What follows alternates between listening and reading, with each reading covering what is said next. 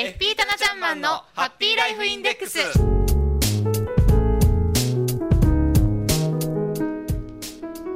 FP タナちゃんマンのハッピーライフインデックス。この時間はあなたの夢と未来をトータルサポートするライフサポート有限会社の提供でお送りします。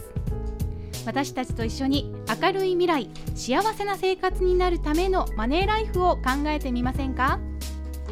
さああなたからの疑問や質問何でも結構です。こちらも受け付けていますよ。宛先は F、え FM768 アットマーク p-wave.ne.jp FM768 アットマーク p-wave.ne.jp です。たなちゃん前の応援メッセージもお待ちしています。さあそれでは今日も早速一級ファイナンシャルプランニング技能士でありライフサポート有限会社代表のたなちゃんマンを呼んでみましょう。あなたもご一緒に。せーの。たなちゃんマはい、こんにちは、棚橋です。ンこんにちは,、はい今日もよろしくお願いします。よろしくお願いしますたなちゃんマン、はい。えっ、ともうね、はい。このハッピーライフインデックスも長くお送りしてるんですけども、はい。2009年の、えーハッピーライフインデックスは今日が最後となってましてね。ね。今日で最後はい、そんなもうあのあー早いなという感じなんですけども、はい、たなちゃんマンの中であの、今日のテーマ、はい。今年印象に残った人物とか出来事って何かありますか？そうですね。一番印象に残った出来事ですけど、やはり政権交代ですかね。私は。そうですよ、はい大きな日本の出来事ですからね。ねはい、大きなね、あの変革といいますか、はいね、起きてるのかなっていう気がしますけどうんね。いろんな意味でね。ははい。い、たなちゃんマン的にはどう、どうですか？そうですね。あのーいろんな意味でね、その予算のね、えー見直しだとか、はいえー事業仕分けとかね、いろんなことが起きておりますけれども、その中で最近ね、またあの補正予算の見直しということで、えーえー7兆2000億円ですか。はい、えーね、えー第二次補正予算ということがちょっと持ち上がっておりますんでね、うんどうなのかなっていうところもね、どうなるんでしょうかね。えー本当に政権交代した、ね、あれが、うーん意味があったのかなとかですね、うんうんうん。ちょっと不安が頭をよぎっているような感じでですすかね、私はね。でもこう急ぎすぎないでやってほしいこととそうですね。早急にはい。やってほしいこととってやっぱりありますけれどもね。はい。なんかこう今のね、あのー見てますと確かにその景気対策ってのはもちろん大事なんですけれども、はい。えーどうもその、えーそれに急ぎすぎてこう、まあ、先延ばしに全てのことをね先延ばしにしちゃってる感じかな。ちょっと安易にねやりすぎてるのかなっていう印象はちょっと見てて思うんですよね。そうですねですね私もなんとなくそういうあの印象が強いなといはそうですね。ちょうどこう、はい交代していろいろ始まってからが余計そんな感じがしますけれどもね。はいはい、でも来年ぜひねあの期待したいですよね。はい。はい。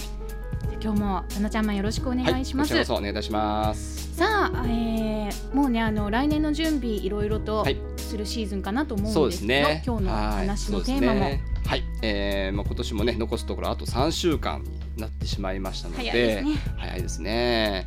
ちょっとね、えー、まあもうすぐクリスマスなんですけど、クリスマスをはい飛び越してですね、ええーそろそろ来年の準備にささしくかかってみてはどうですかっていうことでね、お話をしてみたいと思います。はい、はい、どんな感じで。準備とはいいってもなんかね何からそうですね。こうはい。ハッピーライフインデックス的には やっていくといいんでしょうか？はい、何かご準備されていらっしゃいますか？いや私あのまず今のねことで手一杯で、なんか年末っていっぱいあるじゃないですか。そうですね。そういう方は結構たくさん。年賀状もまだ書いてないし。ああ、私もなんですけれども。あそうなんですか、意外に。はい。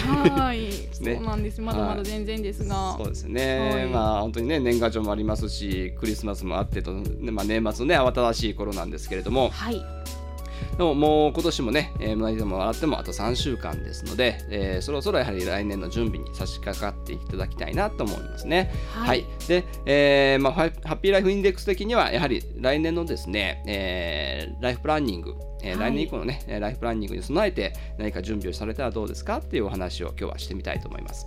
はい、まずね、えーここも12月も入ってもう中旬にねこう差し掛かろうとしておりますけれども、えー本屋さんとかね、えーはい。行きますと、えーまあ、11月の終わりぐらいから、えー家計簿だとかねそういったものがすごくね。えー平積みをされて販売がされていらっしゃいますけれども、一応買いましたよ私も。それだけははい。そうですか。もう準備入ってますねじゃあ。一応はい。はい。もう買った時点で準備がねよかった。それが始まりですからね準備の、はい。ぜひ進めていただきたいんですけれども、えー今年はねこう初め今年のね、えー去年の年末から初めにかけてねはい家計簿をつけようと、えーされた方もこう途中でね挫折をしてしまったりとか言われる方もいらっしゃると思いますけれども、はいえー来年こそねぜひねあの家計簿をつけるぞということで早めからね準備をされるとおつけやすいのかなと思います。そうですね。はい。はい、私もちょっとあのいっぺんにええ。大きくやろうとしたら挫折をしてしまった組の一人なんですけれどね。も。確か去年もねお話ししたと思うんですけれども、えー無理してね、えー肩肘張ってやっちゃいますとやっぱり続かないですから完璧主義はダメですね。そうですね。やはり続けることからあのね始めていく続けることが大事ですのでね、えー続きやすいように始めていくというのが大切だと思います。はい。であの本当にたくさんの種類のねあの家計簿も販売されていらいますし、えーそういうう主婦の方を対象とした雑誌ですね、えーそういったものにも付録でねあのついておりますので、そうですね。うんうん。はい逆にその付録でついている家計簿のが簡単につきやすいのかなという印象があります。なるほどね。はい。あの家計簿として言ってるのはやはり細かくねあのはい。仕分け、それこそ事業仕分けじゃないですけども家庭仕分けやね家庭内仕分けというのは最近あの言葉で出てきておりますけれどもすごく細かすぎてやはりあの続かないのかなっていう印象があります、うん。ですのであのできるだけね自分に合ったえー家計簿を見つけていただいて、えーはい長く続けていただくことが大切だと思います。でその中でやはりポイントがですね、はいまず目標を持つことなんですよね。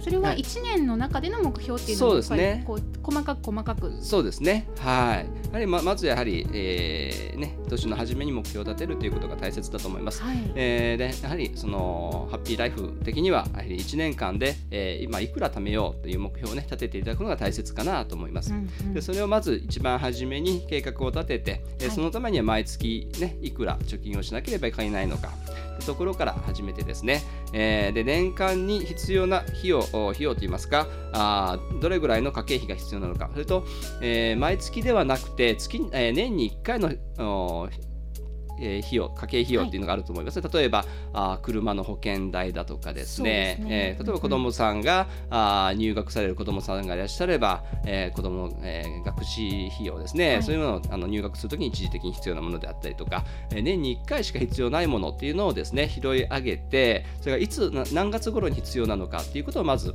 えー家計簿に記入していただくと。はいで、えー年間でいくらを貯めるという目標を立てていただければじゃあ月々の生活費っていうのが見えてくると思うんですね。そうですね。はいうんうんそういった形で、えーまず、えー目標を立てて家計簿をつけ始めてあまり仕分けを細かくしすぎないようにしていただければ続くのかなと思いますのでね、ぜひそんな風な形で準備をしていただければと思います。一年の中のその計画大まかなそういったねね。ところっていうのを、はい。例えばなんかこう年表じゃないですけどすね。年の表みたいな感じで、はい。どこかに貼っておくっていうのもそうですね。いいかなとねふと思ったんですが。そうですね。まあ一年間あの通常ですね、ライフプランニングをやる中には、あーライフイベント表っていうのがあるんですけれども、はい。そのライフイベント表のね、あの一年の間のライフイベントっていうのはやはりあると思いますのでね、それやっぱり作っていただければと思います。家庭の中でのはい、そうですね。ライフランニングイはいベント表ということで、はそうですね。はい、わかりました。あとは使いやすい自分。に合った、はい。あの背伸びをしない家計簿。そうですね。はい。あのスケジュール表と一緒になっていはいるものっていうのもはい最近見たそうですねので、それも使いやすいそうですねのかなと思いました。最近はあの日記を書く方もねあのブログっていうのがねすごくあの増えブログね書く方ブロガーって言われる方も増えてきはいているのと連動して、ちゃんも書いてますそうですもんね。はい。で日記がね書かれる方も最近増えてきているということで、日記型になった家計簿というのもありますのでね、そういったものがまた書きやすいかもわかんないですね。そうですね。いはいつも持ち歩けるしっていうそうものもですねいいかもそうですね。しれませんね。はい。はい、はいあのまずは気軽に開けるものがいいのかなと、私的にも思いました。はい。はい。